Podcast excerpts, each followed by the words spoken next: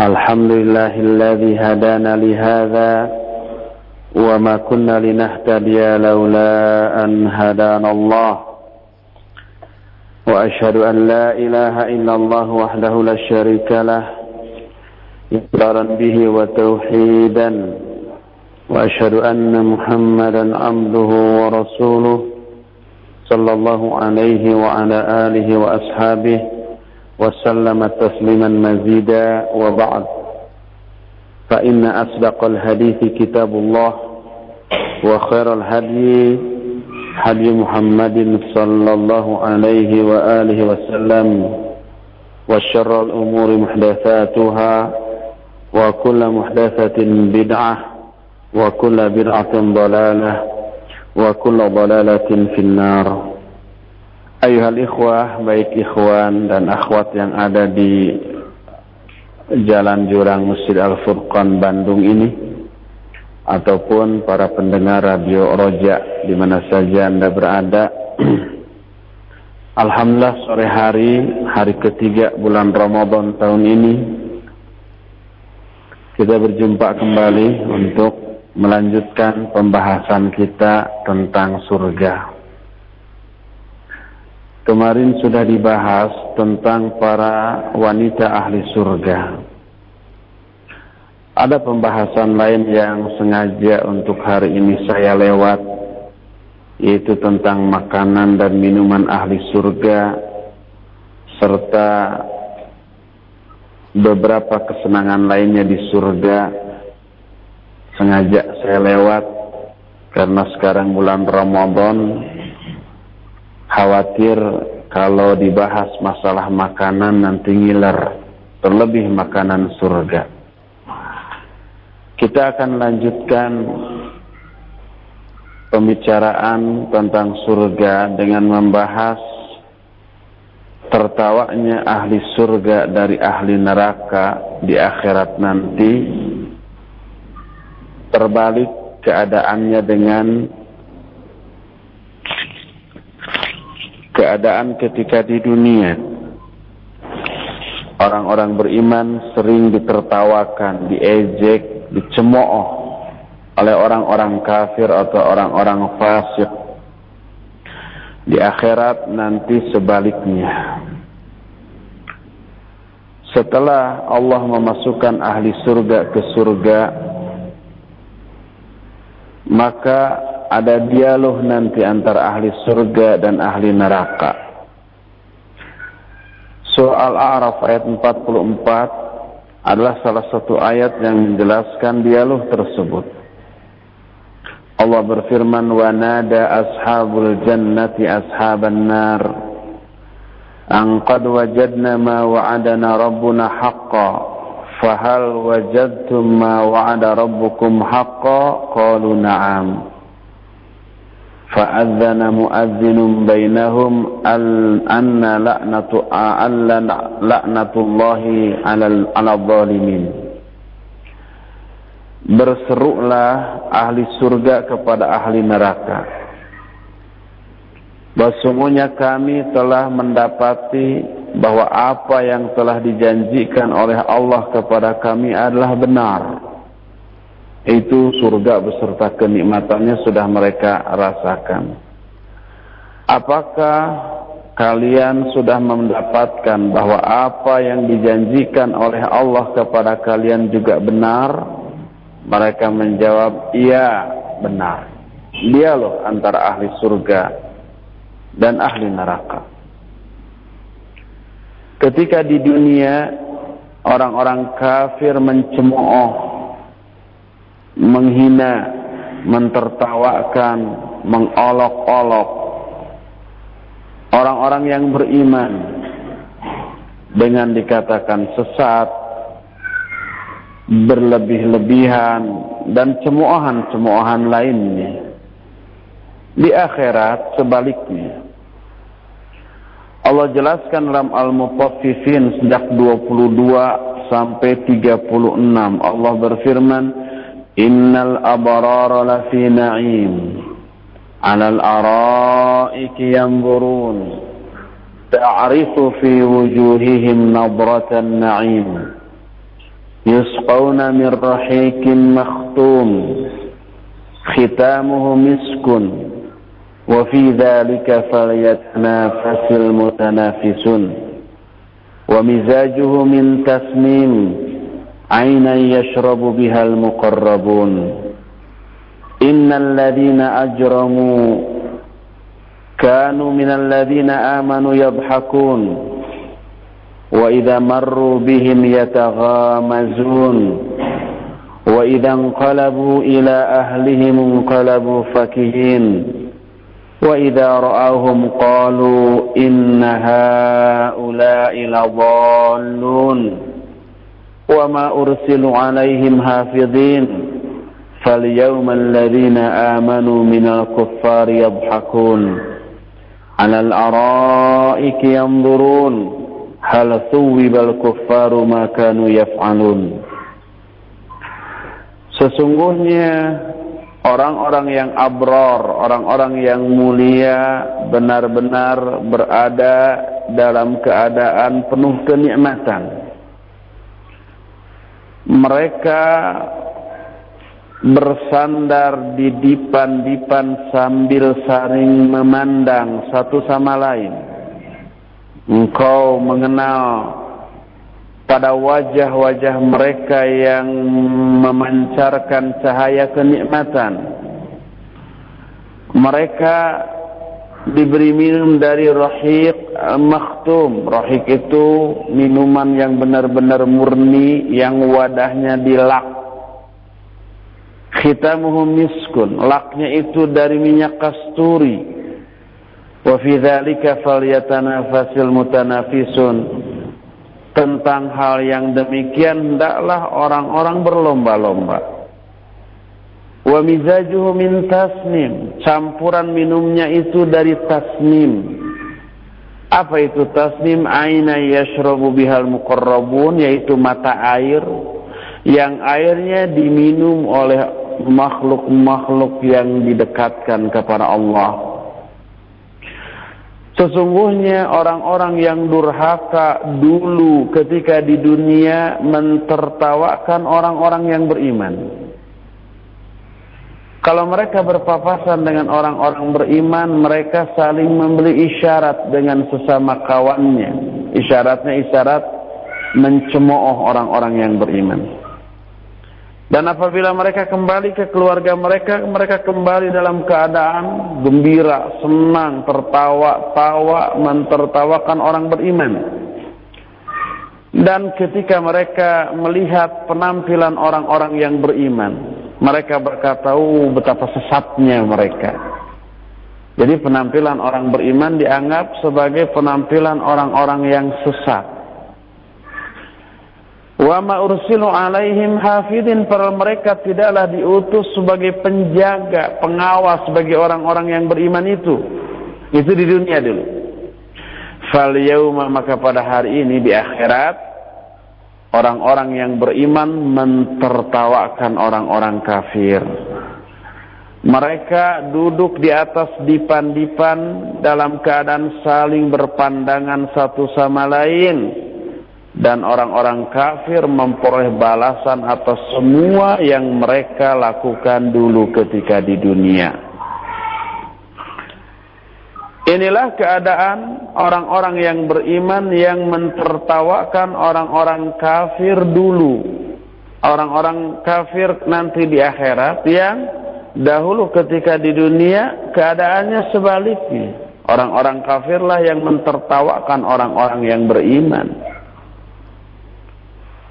Betapa banyaknya orang-orang yang ketika memandang para wanita muslimah berjilbab bahkan bercadar mentertawakan. Mencemooh dengan cemoohan-cemoohan yang beragam. Disebut ninja disebut kuntilanak disebut bebegig dan seabrek sebutan lainnya. Betapa banyaknya orang-orang yang ketika melihat laki-laki mukmin dengan penampilan yang sesuai dengan sunnah dicemooh. Ketika melihat mereka berjenggot disebut kayak kambing. ketika melihat mereka itu ngatung disebut kebanjiran atau kurang bahan. Tapi mereka tidak pernah mengomentari mencemooh kurang bahan kepada wanita-wanita yang pakai you can see ya. Ketiaknya kelihatan, pundaknya kelihatan. Enggak dikatakan kurang bahan kayaknya tuh enggak. Oh itu modern. Pokoknya maksudnya memang ingin mencemooh tertawa, mengejek ketika di dunia. Di akhirat sebaliknya nanti. Bahkan dialog juga terjadi antara sesama ahli surga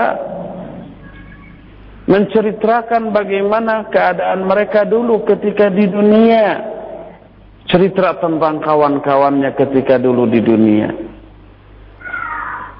Allah di dalam Al-Quran menyatakan فَأَقْبَلَ بَعْضُهُمْ عَلَى بَعْدِ يَتَسَاءَلُونَ قَالَ قَائِلٌ مِّنْهُمْ إِنِّي كَانَ لِقَرِينَ يقول أئذا أئنك لمن المصدقين أئذا متنا وكنا ترابا وعظاما أئنا لمدينون قال هل أنتم مطلعون طلع فرآه في سواء الجحيم قال تالله إن كدت لتردين ولولا نعمة الرب لكنت من المحضرين أفما نحن بميتين إلا موتتنا الأولى وما نحن بمعذبين إن هذا لهو الفوز العظيم Para ahli surga saling berhadap-hadapan satu sama lain dan saling bertanya. Berkatalah salah seorang di antara mereka, di antara ahli surga kepada sesamanya ahli surga. Ini karena korin dulu ketika di dunia aku punya seorang korin. Korin itu bahasa Arab. Bahasa Indonesianya agak mirip kroni. Kawan dekat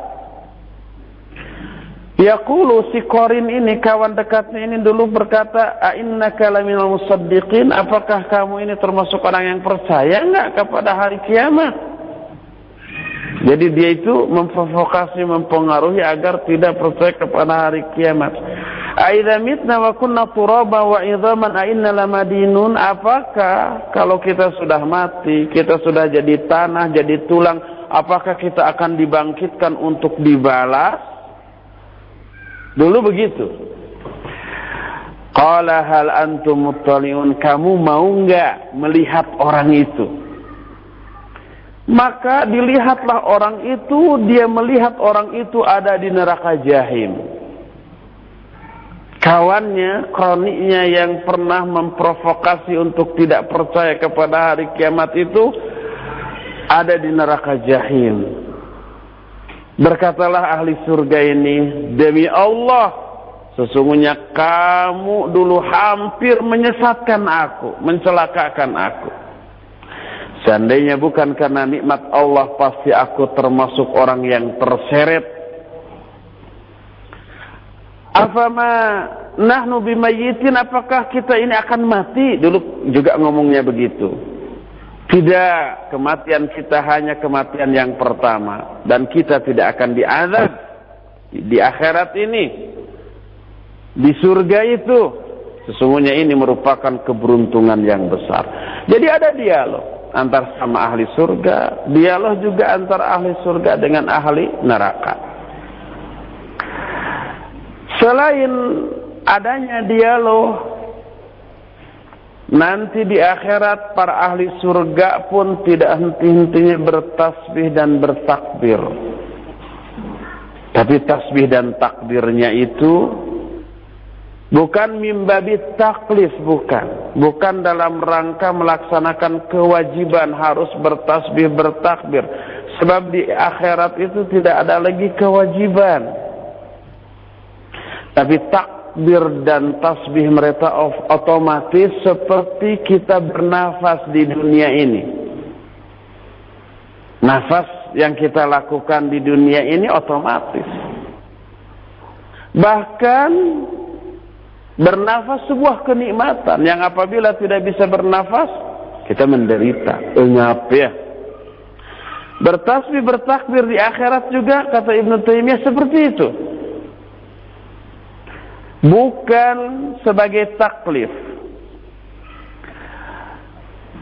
Dalam sebuah hadis yang diterima dari Jabir diriwayatkan oleh Imam Muslim juga oleh Imam Al-Bukhari dalam kitab sahihnya Rasul sallallahu alaihi wasallam bersabda, "Yulhamuna tasbiha wa takbir kama tulhamuna tanaffus." Mereka para ahli surga itu diberi ilham untuk tasbih dan takbir sebagaimana kalian diberi ilham untuk bernafas sekarang ini di dunia. Bahkan nafasnya tersebut eh, takbir dan tasbihnya itu berupa sebuah kenikmatan berkata Syekhul Islam di dalam Majmul Fatawa juz 4 halaman 330 kata beliau Hada laysa min amal taklif alladhi yutlabu lahu thawab.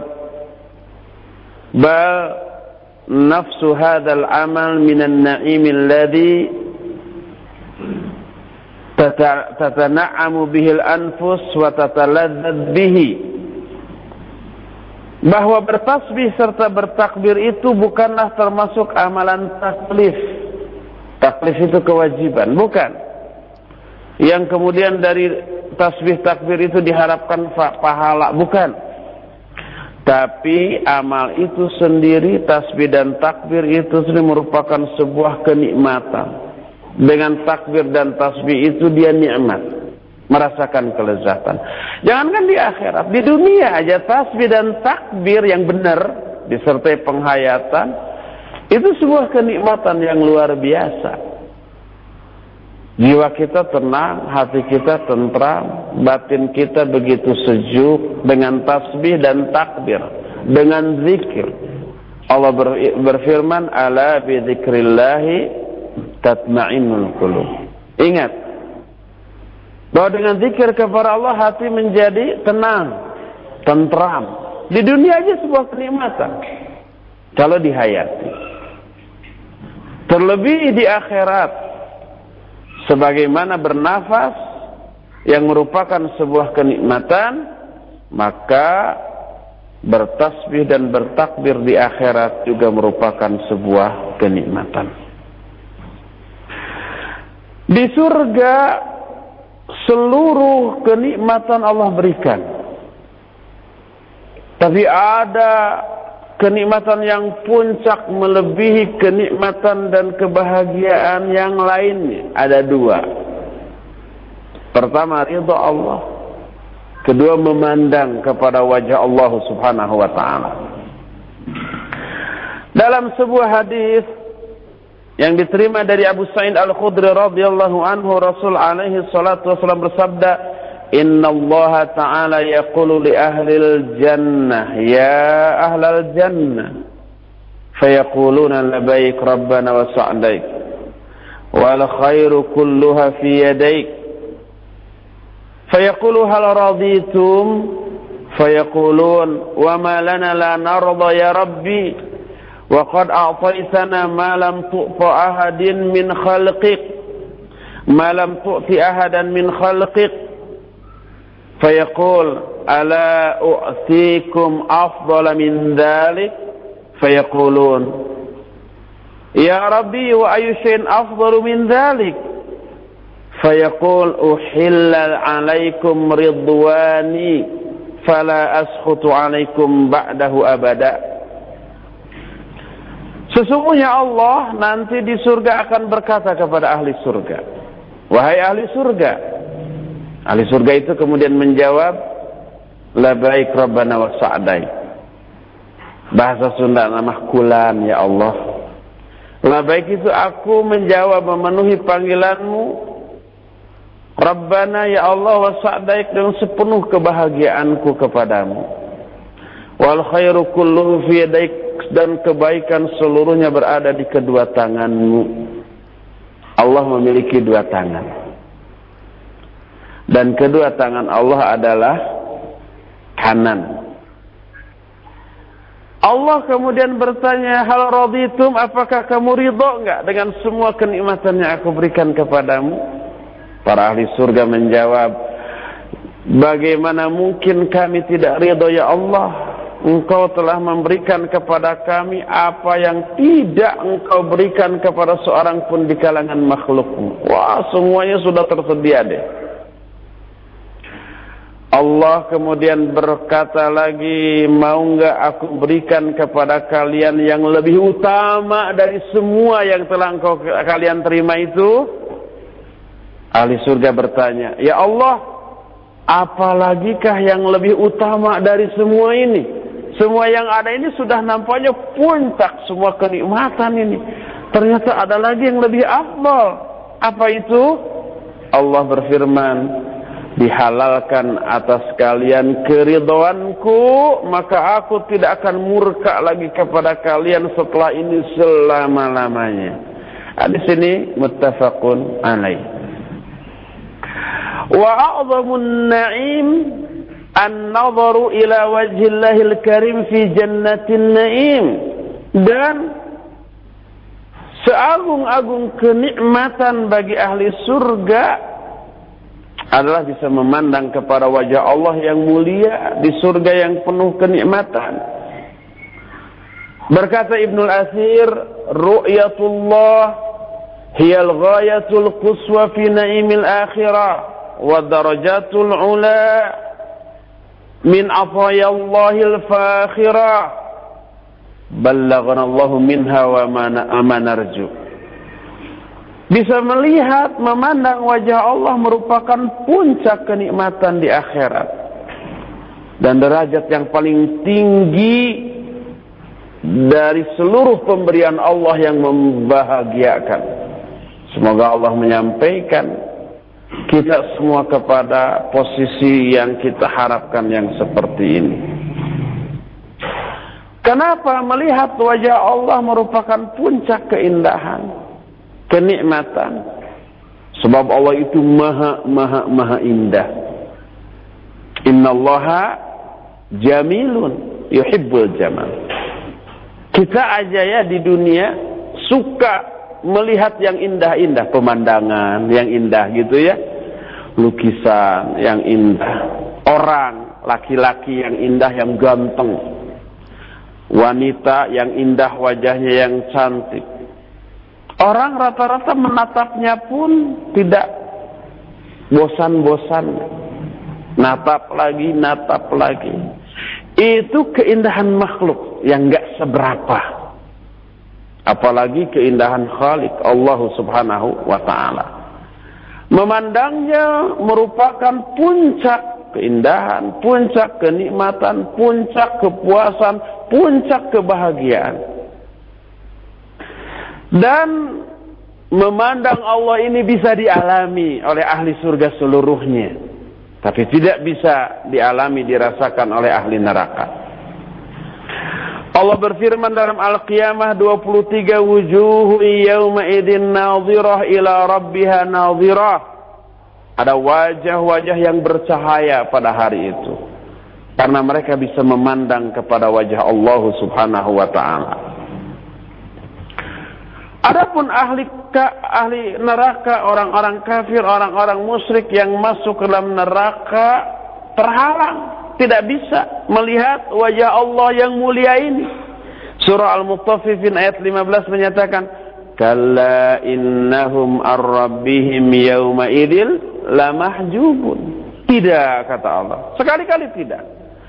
Sesungguhnya mereka pada hari itu terhalang dari melihat wajah Allah. Suhaib Ar-Rumi radhiyallahu anhu menceritakan sebuah hadis yang terdapat dalam kitab Sahih Muslim, Sunan At-Tirmidzi dengan sanad yang sahih. Rasul sallallahu bersabda kata Suhaib, "Idza dakhala ahlul jannati al-jannah yaqulu tabaraka wa ta'ala" Turiduna syai'an azidukum? Fayaqulun alam tubayyid wujuhana? Alam tudkhilna jannah wa tunjina minan nar Qal fayukshaful hijab. Fama u'tu syai'an ahabba ilaihim minan nadri ila rabbihim tabaraka wa ta'ala. Thumma tala hadhihi al-ayah lilladhina ahsanul husna kata Rasul SAW apabila ahli surga sudah masuk ke dalam surga Allah berfirman mau kalian sesuatu kenikmatan yang aku tambahkan kepada kalian. Ahli surga kemudian berkata, Ya Allah, bukankah engkau telah mencerahkan wajah-wajah kami? Bukankah engkau telah memasukkan kami ke dalam surga dan menyelamatkan kami dari neraka? Jadi ahli surga itu sudah merasa cukuplah dengan semua kenikmatan itu dan merasa tidak membutuhkan tambahan kenikmatan lain. Lalu dibukalah hijab penghalang antara ahli surga dengan Allah sehingga mereka bisa melihat wajah Allah. Maka tidak ada pemberian yang lebih mereka sukai dibandingkan bisa melihat kepada wajah Allah Azza wa Jalla. Inilah bonus tambahan pahala dari Allah. Bisa memandang wajah Allah. Lalu Nabi SAW membacakan Al-Quran yang terdapat di dalam surah Yunus ayat 26. Lilladzina ahsanul husna wa ziyadah. Bagi orang-orang yang berbuat kebaikan akan dibalas dengan kebaikan pula wa ziyadah dan ada balasan tambahan balasan tambahan itu yaitu bisa memandang wajah Allah Azza wa Jalla. Dalam hadis yang diriwayatkan oleh Imam Bukhari dan Imam Muslim diterima dari Abu Musa al-Ash'ari radhiyallahu an Rasul sallallahu alaihi wa alihi wasallam bersabda Inna lil mu'minina lil mu'minina fil jannati la khaymatan min lu'lutin mujawwaf mujawwafa arduha wa fi riwayatin tuluha sittuna maila fi kulli zawiyatin minha ahlun ma yarawna al-akharin yatufu alaihimul mu'min وجنتان من فضة آنيتهما وما فيهما. وجنتان من ذهب أن آنيته آنيتهما وما فيهما. وما بين القوم وبين أن ينظروا إلى ربهم إلا رداء الكبرياء على وجهه في جنة عدن. Kata Nabi Shallallahu Alaihi Wasallam, Sesungguhnya seorang mukmin di surga punya kemah yang terbuat dari mutiara yang berongga. Kemahnya jangan dibayangkan kemah pramuka atau kemah abri atau kemah para pencinta alam yang terbuat ala kadarnya dari kain. Ya, nggak seperti itu. Dari mutiara yang berongga. Bayangkan sebuah bangunan, kalau bangunan di kita ini kan paling beton ya, tembok, bata gitu, keras. Ini dari mutiara yang besar, di, di dalamnya berongga. Ruangan-ruangannya itu tercipta di dalamnya. Lebarnya atau luasnya seluas 60 mil. Di setiap pojok atau kamar dari tenda tersebut ada bidadari. Entah berapa tidak disebut kamarnya. Satu kamarnya ada bidadari. Satu sama lain tidak saling melihat. Orang mukmin ahli surga ini berkeliling menggiliri seluruh ruangan itu. Dan seterusnya ini dilewat. Walhasil sampai terakhir dalam hadis ini dikatakan kenikmatan yang teragung yang teralami oleh orang mukmin di sana adalah bisa memandang kepada wajah Allah Azza wa Jalla. Dan itulah senikmat-nikmat kenikmatan, sepuas-puas kepuasan, sebahagia-bahagia kebahagiaan. Berkata Imam Malik radhiyallahu anhu an-nasu yanzuruna ila Allah yaumal qiyamah bi a'yunihim law lam yaral mu'minuna rabbahum yaumal qiyamah lam yu'abbirillahu 'anil kuffari bil hijab kata Imam Malik sesungguhnya manusia bisa melihat kepada Allah pada hari kiamat dengan mata kepala mereka sendiri langsung. Seandainya orang-orang mukmin tidak bisa melihat Allah pada hari kiamat, maka tidak mungkin Allah akan mengungkapkan bahwa orang-orang kafir terhijab atau terhalang dari melihat Allah. Sebagaimana dijelaskan dalam Al-Mutaffifin 15 Kalla innahum ar-rabbihim yawma idil mahjubun. Tidak. Sesungguhnya orang-orang kafir itu akan terhilak, terhalang dari melihat Allah pada hari itu. Tidak bisa melihat Allah. Sehingga berkata Al-Imam Syafi'i rahimahullah kalau orang-orang kafir terhalang dari melihat Allah pada hari itu menunjukkan orang-orang mukmin tidak terhalang alias bisa melihat wajah Allah Azza wa Jalla pada hari kiamat nanti. Inilah keyakinan para ahlus sunnah yang didasarkan kepada nas Al-Quran dan hadis-hadis yang sahih serta ucapan para sahabat dan para ulama tentang masalah itu yang menunjukkan bahwa orang-orang mukmin akan bisa melihat wajah Allah pada hari kiamat. Adakah di kalangan sesama muslim yang berkeyakinan bahwa Allah tetap tidak akan terlihat sekalipun pada hari kiamat di surga? Ternyata ada. Di kalangan Jahmiyah kalau sebagian mayoritas ulama tidak memasukkan Jahmiyah ke dalam kelompok kaum muslim. Mereka kufur di luar Islam. Pengikut Jaham bin Sofwan. Tapi di kalangan Mu'tazilah, Khawarij, Syiah Imamiyah dan yang lain-lainnya menyatakan Allah tidak akan terlihat baik di dunia ataupun di akhirat, termasuk oleh orang-orang mukmin di surga. Keyakinan mereka ini bertolak belakang dengan ayat-ayat dan hadis tadi. Tapi ada tapinya. Mereka pun berkeyakinan seperti itu berdasarkan nas ayat Al-Quran yang mereka pahami. Ayat Al-Qurannya benar. Yang keliru, yang salah adalah penafsiran dan pemahaman mereka tentang ayat tersebut atau ada atau mereka salah di dalam mengaplikasikan kaidah bahasa. Kata mereka an-nazar an-nazar itu bisa dua maknanya. Bisa melihat bisa menunggu. Kata mereka seperti itu. Dan contoh yang menunggu di dalam Al-Quran surah Al-Hadid ayat 13. Yaqulul munafiquna wal munafiqati lilladzina amanu dhuruna naqtabis min nurikum.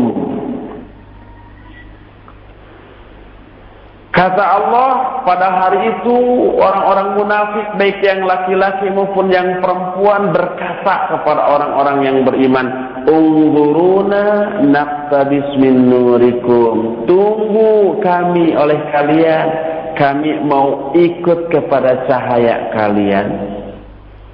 Jadi nanti di akhirat orang-orang mukmin itu memiliki cahaya beda-beda.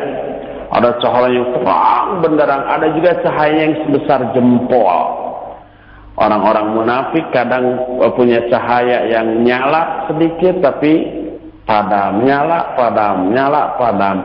Mereka akhirnya melihat orang-orang beriman punya cahaya yang banyak. Mereka katakan, Unduruna, tunggulah kami. Naktabis min nurikum. Kami mau mengikuti cahaya kamu. Qila rji'u wara'akum Faltamisu nuro. Dikatakan, kembali kamu ke belakang sana. Cari cahayamu sendiri. Gitu kan. Nah, di sini bukan pandanglah kami, tapi tunggulah kami. Sehingga another maknanya bisa menunggu. Itu kata mereka bukan melihat. Sehingga makna another bukan melihat tapi menunggu. Jadi kaum mukminin tidak melihat wajah Allah kata mereka. Dijawab oleh para ulama. Faidah bahasa apa yang dipakai oleh mereka? Memahami an-nazar ila wajhillah wujuhu yawma idin nadhirah ila rabbiha nadhirah nadhirah di sana maknanya menunggu bukan melihat kaidah bahasa makna yang mereka pakai. Betul an-nadhar maknanya bisa menunggu tapi kalau tidak dibantu dengan huruf bantu umpamanya unduruna tunggulah kami antar unduru dengan na dengan kami tidak dipisahkan oleh kata bantu ila atau bi atau apa pun. Ya, maknanya bisa menunggu. Karena dia sudah muta'addi binafsihi, sudah muta'addi itu tidak membutuhkan kata bantu.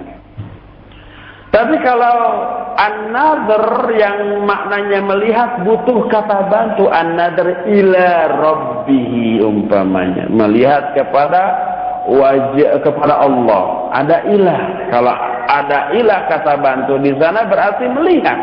Maka yang disebutkan ila rabbiha nazirah mereka bisa memandang ila rabbiha.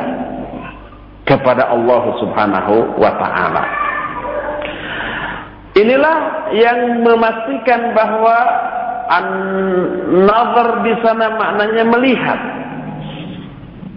Kedua, mereka pun memahami surah Al-A'raf 143 yang menyatakan lantaroni itu jawaban Allah kepada Nabi Musa Nabi Musa kan ingin melihat Allah, kata Allah dan taroni kamu tidak akan melihat aku.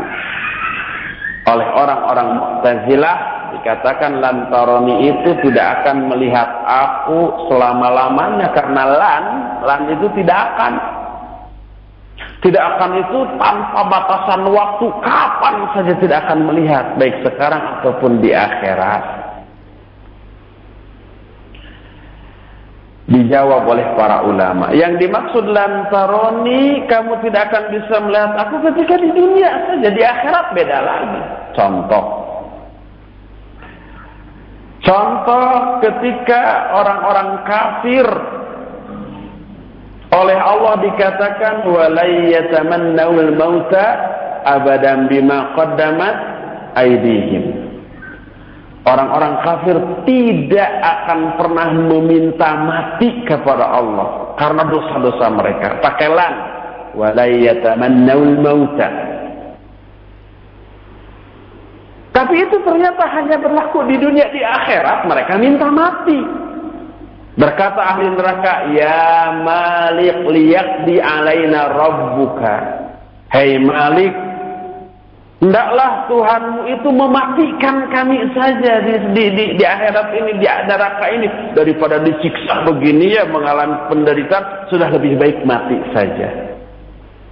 Di dunia dikatakan oleh Allah, La mauta. Mereka tidak akan pernah meminta mati, pakai lan. Tapi ternyata, ternyata itu hanya berlaku di dunia. Di akhirat mereka minta mati, karena nggak kuat menahan siksa.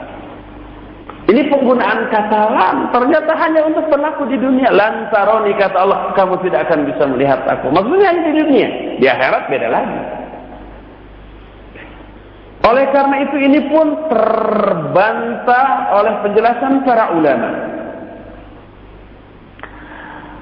Dan banyak lagi alasan-alasan lain yang seluruhnya terbantah oleh para ulama ahlus sunnah yang menunjukkan bahwa Allah diyakini akan terlihat di surga akan tetapi hanya untuk orang-orang mukmin saja di akhirat di surga. Adapun orang-orang yang ada di dalam neraka mereka sama sekali tidak bisa melihat Allah alias terhalang penjelasan tentang isi surga keindahan surga dianggap selesai Pokoknya semuanya itu menggiurkan, kata orang Sunda Tika ditahan, mata ngacai. Bikin orang ngiler. Tapi besarnya keinginan kita untuk masuk surga dan menikmati seluruh kenikmatan yang ada di dalamnya tidak boleh disalahpahami dalam bentuk tindakan yang salah di dunia. Karena banyak orang meyakini untuk bisa meraih kenikmatan akhirat kita harus total tinggalkan kesenangan duniawi ini seluruhnya. Akhirnya mereka tidak memakan makanan-makanan yang enak-enak seperti daging-dagingan diharamkan atas diri mereka. Mereka pun tidak menikah bahkan mengharamkan pernikahan itu untuk diri mereka mereka pun mengharamkan pakaian-pakaian yang bagus, yang mereka pakai hanyalah yang belel, yang dekil and dekucel dalam kehidupan mereka. Pendeta-pendeta dari agama lain melakukan itu. Mereka tidak menikah, mereka tidak makan daging, mereka juga tidak bergelimang dalam kemewahan. Mengharamkan semua yang Allah halalkan. Sebuah kekeliruan karena Allah berfirman dalam Al-Quran surah Al-A'raf ayat 32 kata Allah Qul Man harrama zinatallahi allati akhraja li ibadihi wat-tayyibati minar rizq Qul hiya lilladzina amanu fil hayatid dunya khalisatan yaumal qiyamah. Katakan oleh Muhammad Siapakah yang berani mengharamkan perhiasan-perhiasan Allah yang telah Allah keluarkan bagi hamba-hambanya dan mengharamkan rizki-rizki yang baik?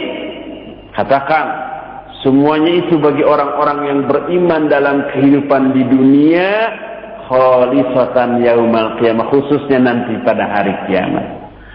Sehingga boleh di dunia kita menikmati dunia, Selama itu dihalalkan. Pada hari Ahad yang lalu sebelum Ramadan kita membahas di dalam kitab Riyadhus Shalihin bab adab-adab berpakaian. Kita membahas hadis bahwa kita harus tampil di hadapan saudara-saudara kita dalam penampilan yang sebaik-baiknya. Oleh karena itu kalau kita akan mendatangi sesama kaum muslimin yang terdiri dari kalangan orang-orang kaya. Mereka pakai pakaian yang bagus-bagus selama tidak haram, tidak terbuat dari sutra. Mereka memakai kendaraan yang bagus-bagus selama itu juga tidak haram. Tidak berasal dari sumber yang haram, tapi yang halal. Kita punya baju bagus, punya kendaraan bagus, pakai ke sana, kata Syekh Al-Utsaimin. Siapa orang yang ketika mendatangi kelompok orang-orang kaya yang berpakaian bagus lalu kita memakai pakaian belayal, dekil dan kucal untuk menunjukkan ketawaduan padahal kita mempunyai baju yang bagus itulah yang disebut pakaian syuhra dan diharamkan. Syuhra itu bukan hanya pakaian yang bagus, pakaian yang beliau juga bisa syuhra, terlarang. Kalau kita pakai pakaian belial di kalangan lingkungan orang-orang yang berpakaian bagus, padahal kita pakai uh, punya pakaian bagus, tapi kita pakai yang belial untuk menunjukkan ketawaduan itu syuhroh terlarang haram.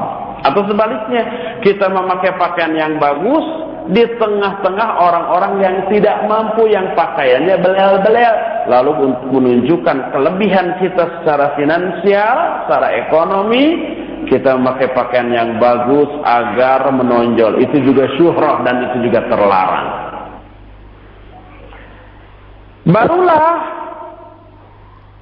kesenangan, ke kekayaan dunia yang kita miliki itu tercela bila sampai melalaikan akhirat.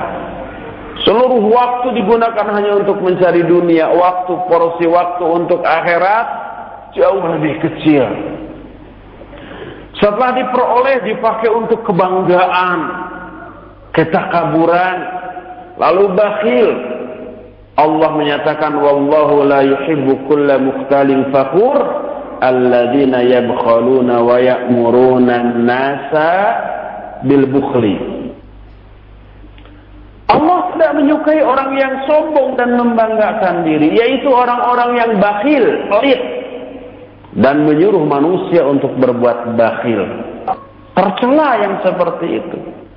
Tapi kalau kita punya kekayaan yang banyak, seluruh kewajiban dari harta itu kita lakukan, zakatnya keluar, infaknya keluar, sodakohnya keluar, membantu orang miskin, membantu dakwah anak yatim, orang-orang yang tidak mampu keluar.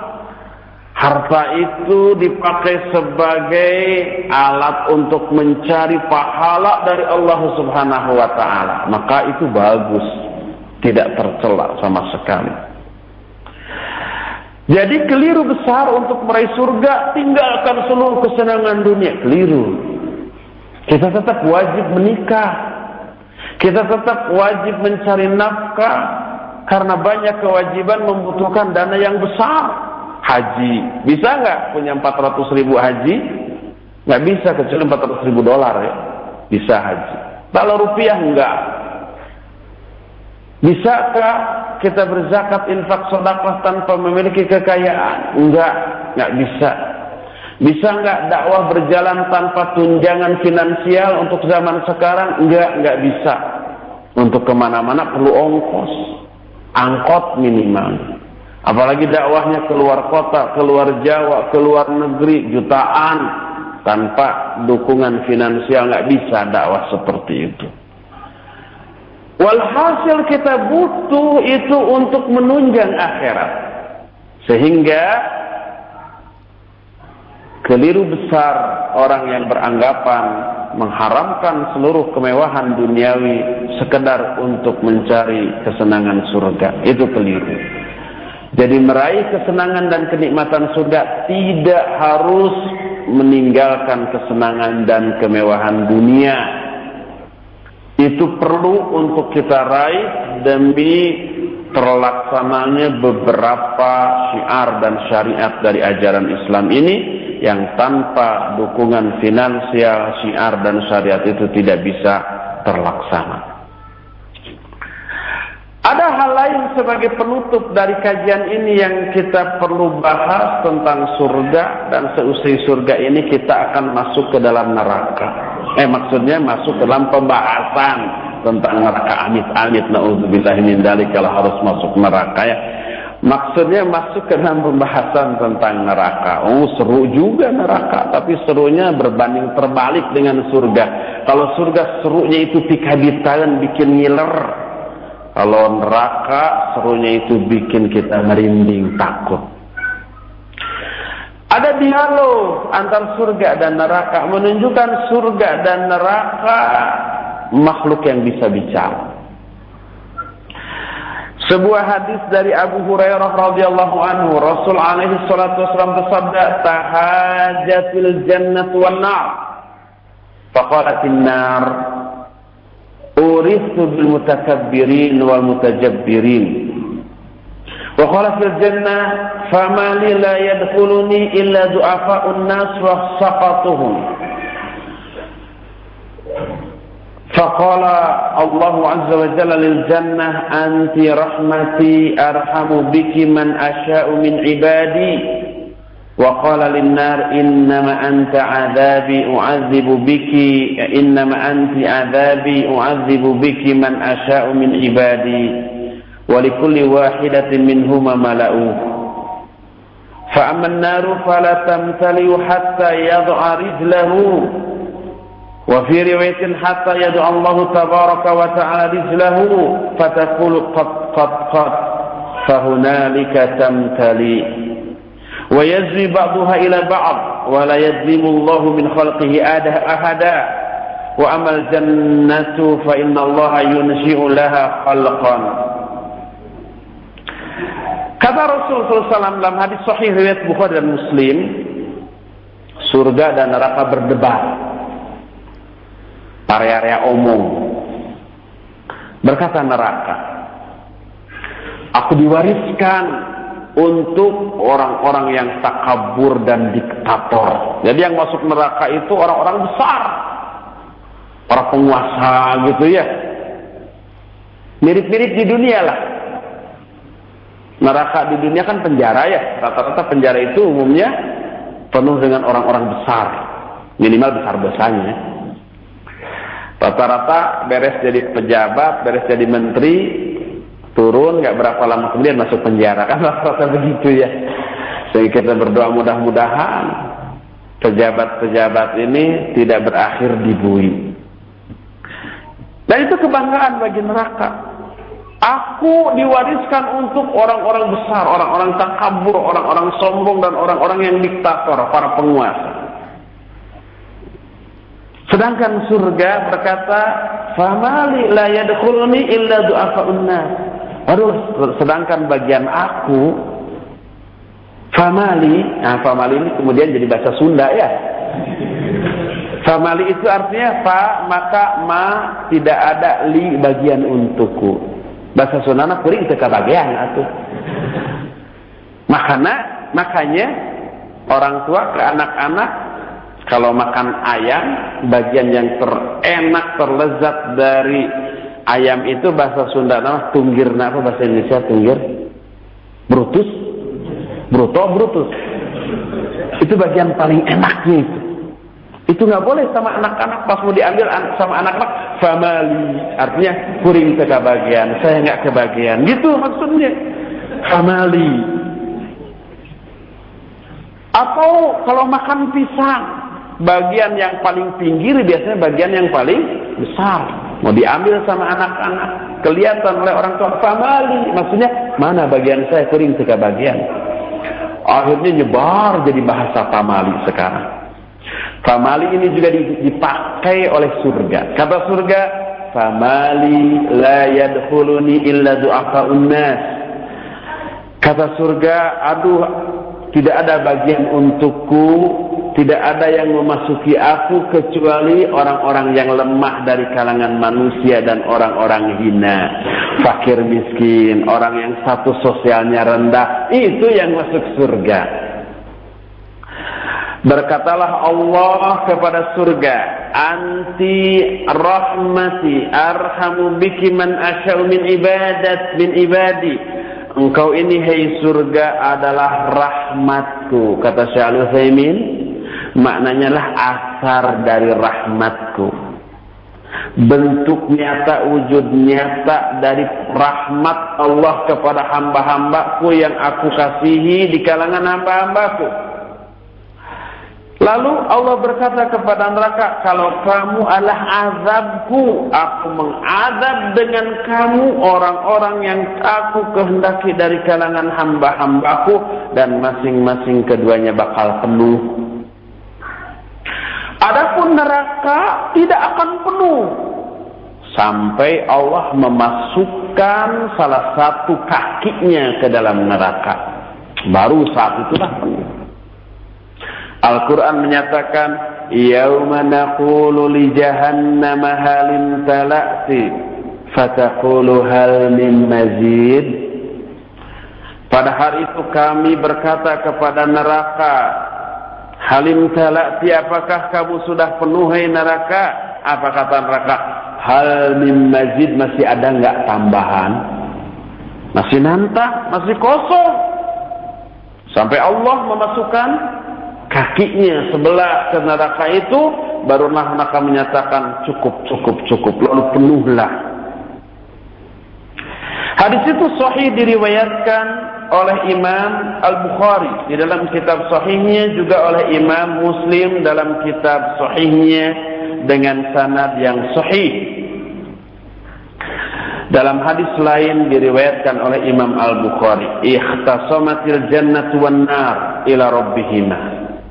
Faqalatil jannah, "Ya Rabbi, ma laha la yadkhuluha illa du'afa'un nas wa saqatuhum." وقالت النار فقال كما في السابق فقال الله تعالى للجنة أنت رحمتي وقال للنار أنت عذابي أصيب بك من أشاء ولكل واحد منهما واحدة منهما ملأوه Bertengkarlah surga dan neraka di hadapan Allah. Berkata surga, Ya Allah, tidak ada yang memasuki aku kecuali orang-orang yang lemah di kalangan manusia.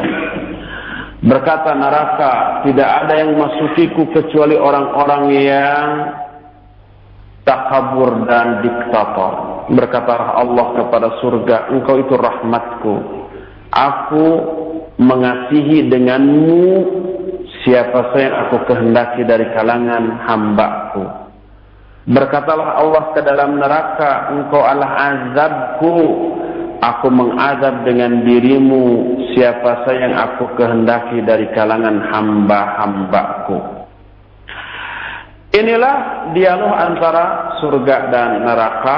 Dengan dibahasnya dialog tersebut selesai sudah pengkajian kita tentang surga. Sehingga insya Allah Jumat yang akan datang kita sudah mulai akan masuk pembahasan tentang neraka tapi semoga Allah tidak memasukkan kita ke dalam neraka tapi memasukkan kita ke dalam surga. Iya sampai di sini kajian sore kita dan kita masih punya sisa waktu untuk tanya jawab seperti biasa khusus hari Jumat kita prioritaskan pertanyaan untuk uh, para pendengar radio Roja. Adapun hadirin di sini bisa punya kesempatan esok ya di Masjid Raya Cipaganti dan hari Ahad juga di sini pagi harinya. Saya persilakan kepada Akhi Fawas untuk memandu pertanyaan dari pendengar. Nah. Alhamdulillah. Nah, jazakallah khairan atas materi dan bahasan yang bermanfaat di kesempatan sore hari ini.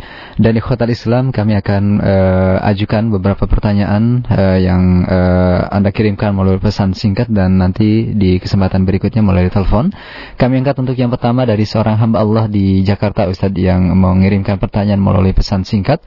Ustadz, eh, apakah saya masih memiliki peluang untuk bisa masuk surga sementara saya merasakan begitu banyak dosa yang saya pernah lakukan? Saya uh, merasa takut uh, akan taubat saya tidak diterima oleh Allah Subhanahu wa taala saking banyaknya dosa-dosa yang saya pernah lakukan. Bahkan berbagai bentuk fahisyah uh, atau perbuatan keji pernah saya lakukan. Mohon uh, nasihat dan penjelasan apa yang harus saya lakukan agar taubat saya diterima. Jazakallah khairan. Terima kasih Ustaz. Iya, ada salah seorang pendengar bertanya barusan, masih mungkinkah si penanya ini punya peluang masuk surga? Dia masih hidup. Dia berkata begitu karena meyakini dosanya sudah sangat besar berbagai macam dosa dia lakukan, fawahish, fahisa, perbuatan keji dia lakukan. Dia sudah berusaha tobat tapi khawatir tobatnya tidak akan diterima. Sehingga masih mungkinkah si penanya ini akan masuk surga? Sebagai jawaban dari pertanyaan itu, coba kepada penanya, kira-kira besar mana dosa Anda dengan dosa seorang pembunuh yang sudah membunuh seratus orang? Apakah besar dosa Anda ataukah dosa membunuh seratus orang? Kalau dosa membunuh seratus orang itu masih jauh lebih besar daripada dosa Anda, ingat, si pembunuh seratus orang itu juga dalam sebuah hadis disebutkan akhirnya dia ke surga. Dalam hadis sahih riwayat Imam Bukhari, dalam kitab Riyadus Solihin pun dimuat dalam bab tobat, seorang pembunuh sudah membunuh 99 orang tapi dia ingin tobat, ditunjukkan ke seorang rahib. Datang dia ke rahib. Dia katakan, saya mau tobat. Sudah membunuh 99 orang. Si rahib salah jawabnya. Kata rahib, nggak akan diterima tobat kamu. Kalap ini orang, dicabut pedang, disabet leher si rahib, genap 100 orang.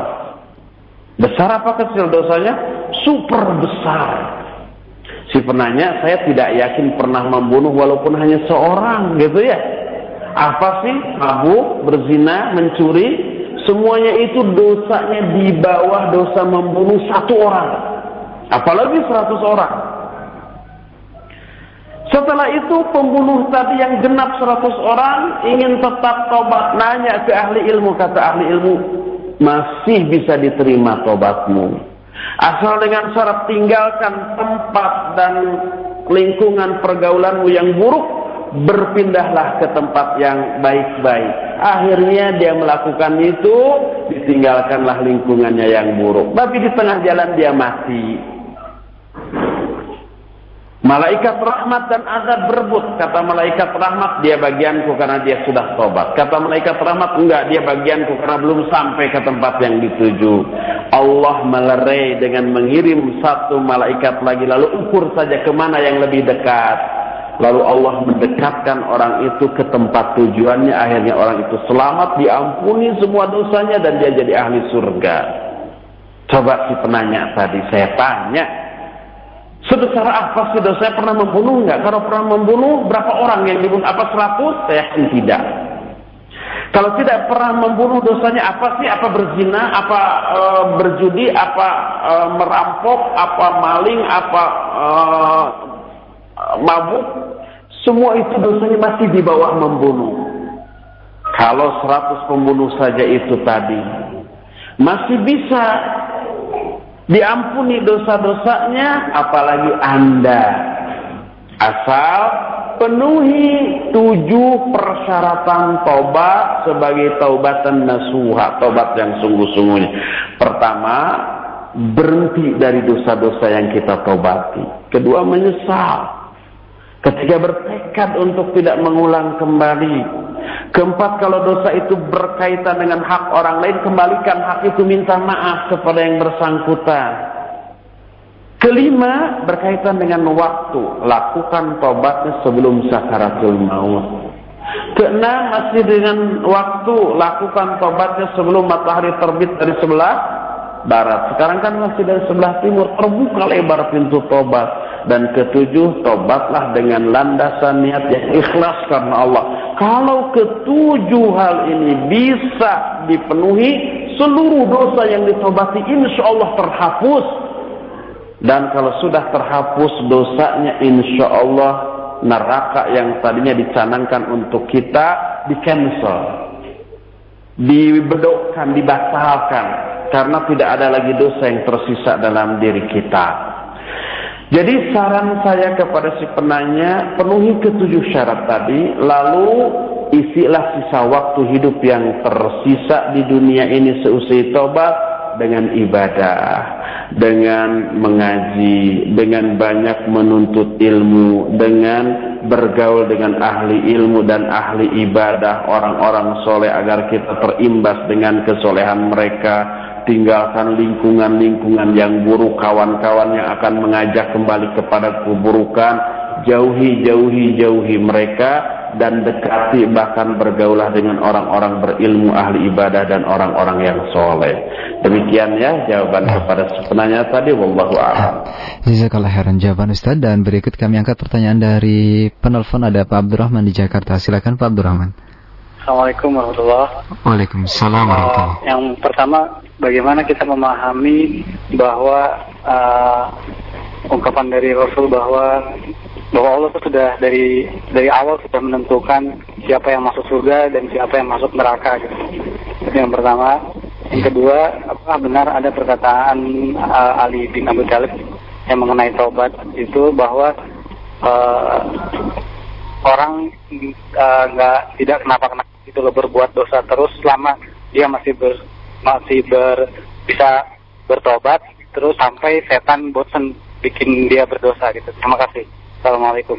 Nah, Waalaikumsalam warahmatullahi wabarakatuh. Iya, nah. Pak Abdurrahman nah. mengajukan dua pertanyaan. Pertanyaan pertama tentang hadis Nabi Shallallahu Alaihi Wasallam, Inna Allaha khalaqal jannah wa khalaqalaha ahlaha wa qala la ubali. Sesungguhnya Allah menciptakan surga dan juga telah menciptakan calon-calon penghuninya. Lalu Allah berkata, aku tidak peduli. Allah pun menciptakan neraka dan menciptakan calon-calon penghuninya lalu aku Allah berkata aku tidak peduli. Dari hadis ini kita sudah mengetahui bahwa seseorang itu sudah ditentukan ke surganya atau ke nerakanya. Dan ini harus dan wajib kita yakini termasuk kita semua. Kita ini sudah ditentukan apakah ke surga atau ke neraka oleh Allah Subhanahu wa taala dan semua orang begitu. Cuma kita tidak tahu ya apakah kita ke surga atau ke neraka. Adapun orang-orang yang ditakdirkan ke surga, maka ketika hidupnya di dunia Allah akan takdirkan orang itu menempuh jalan ahli surga.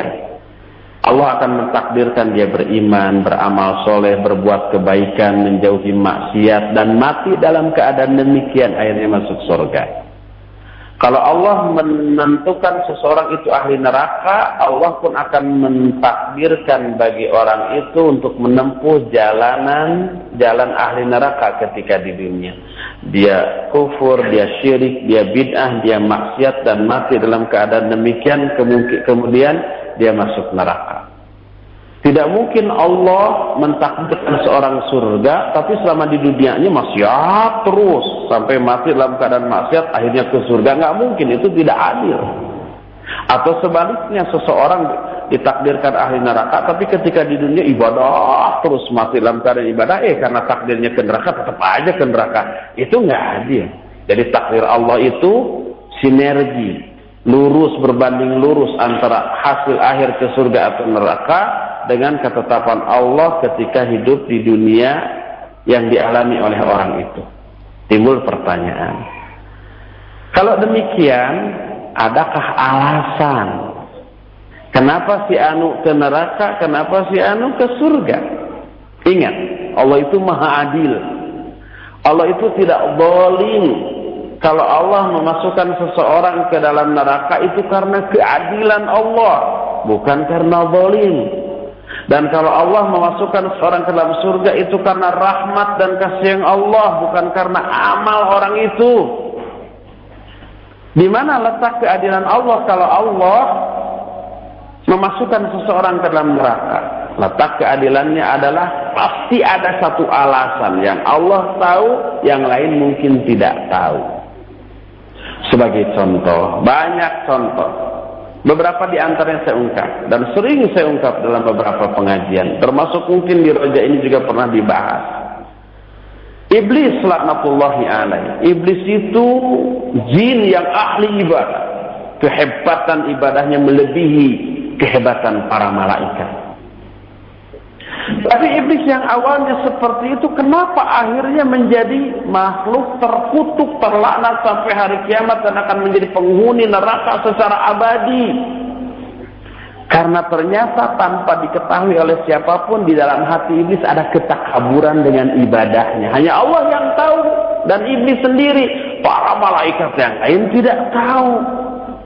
Kalau ibadah menghadirkan, memunculkan, melahirkan ketakaburan, menunjukkan ibadahnya tidak sah, tidak diterima karena makna dan hakikat dari ibadah itu adalah khudu dan tazallul.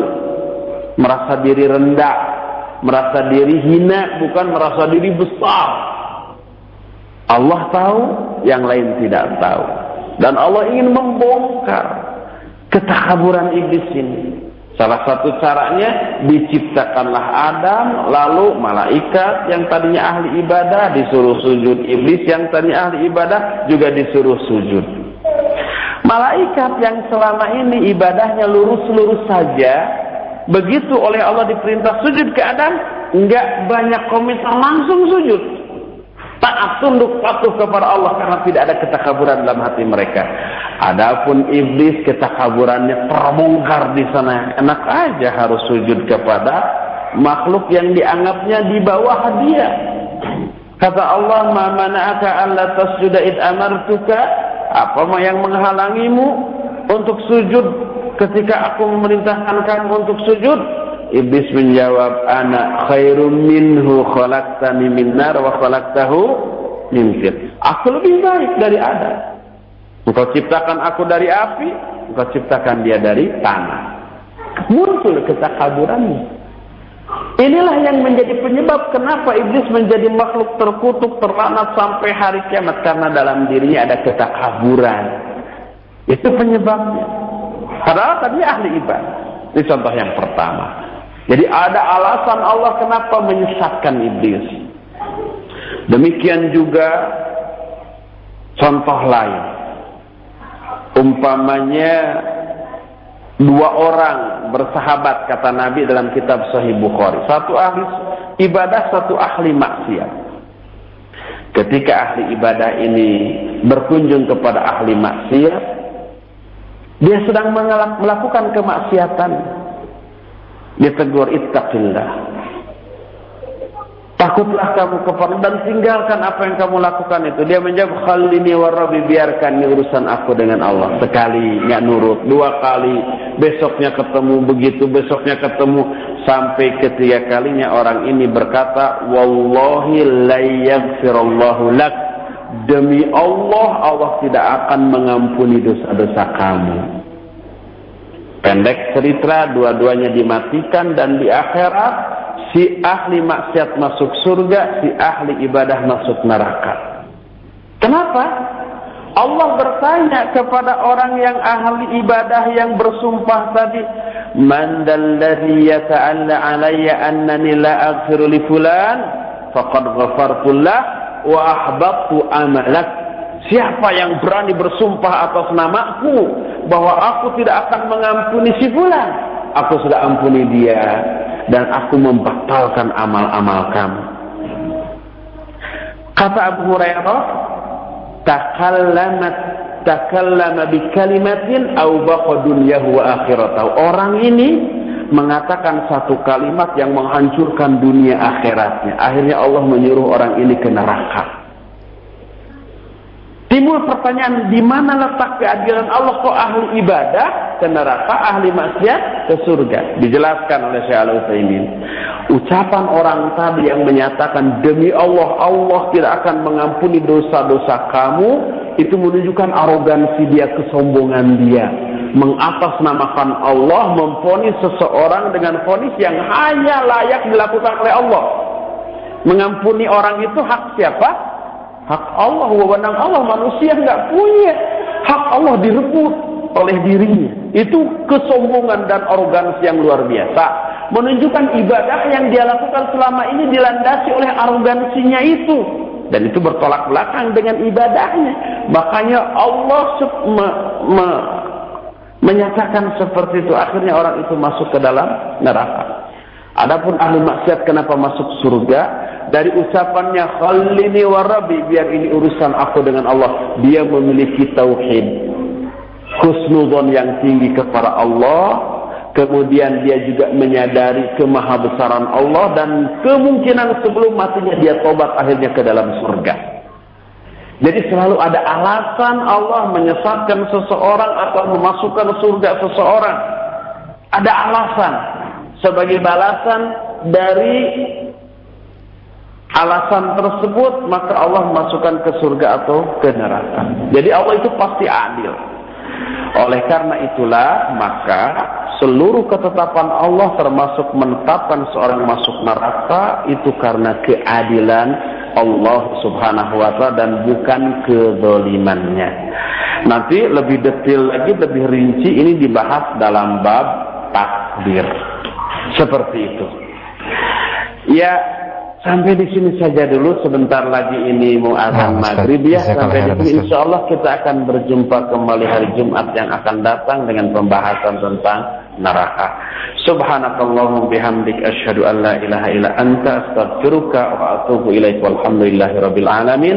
Wassalamualaikum warahmatullahi wabarakatuh.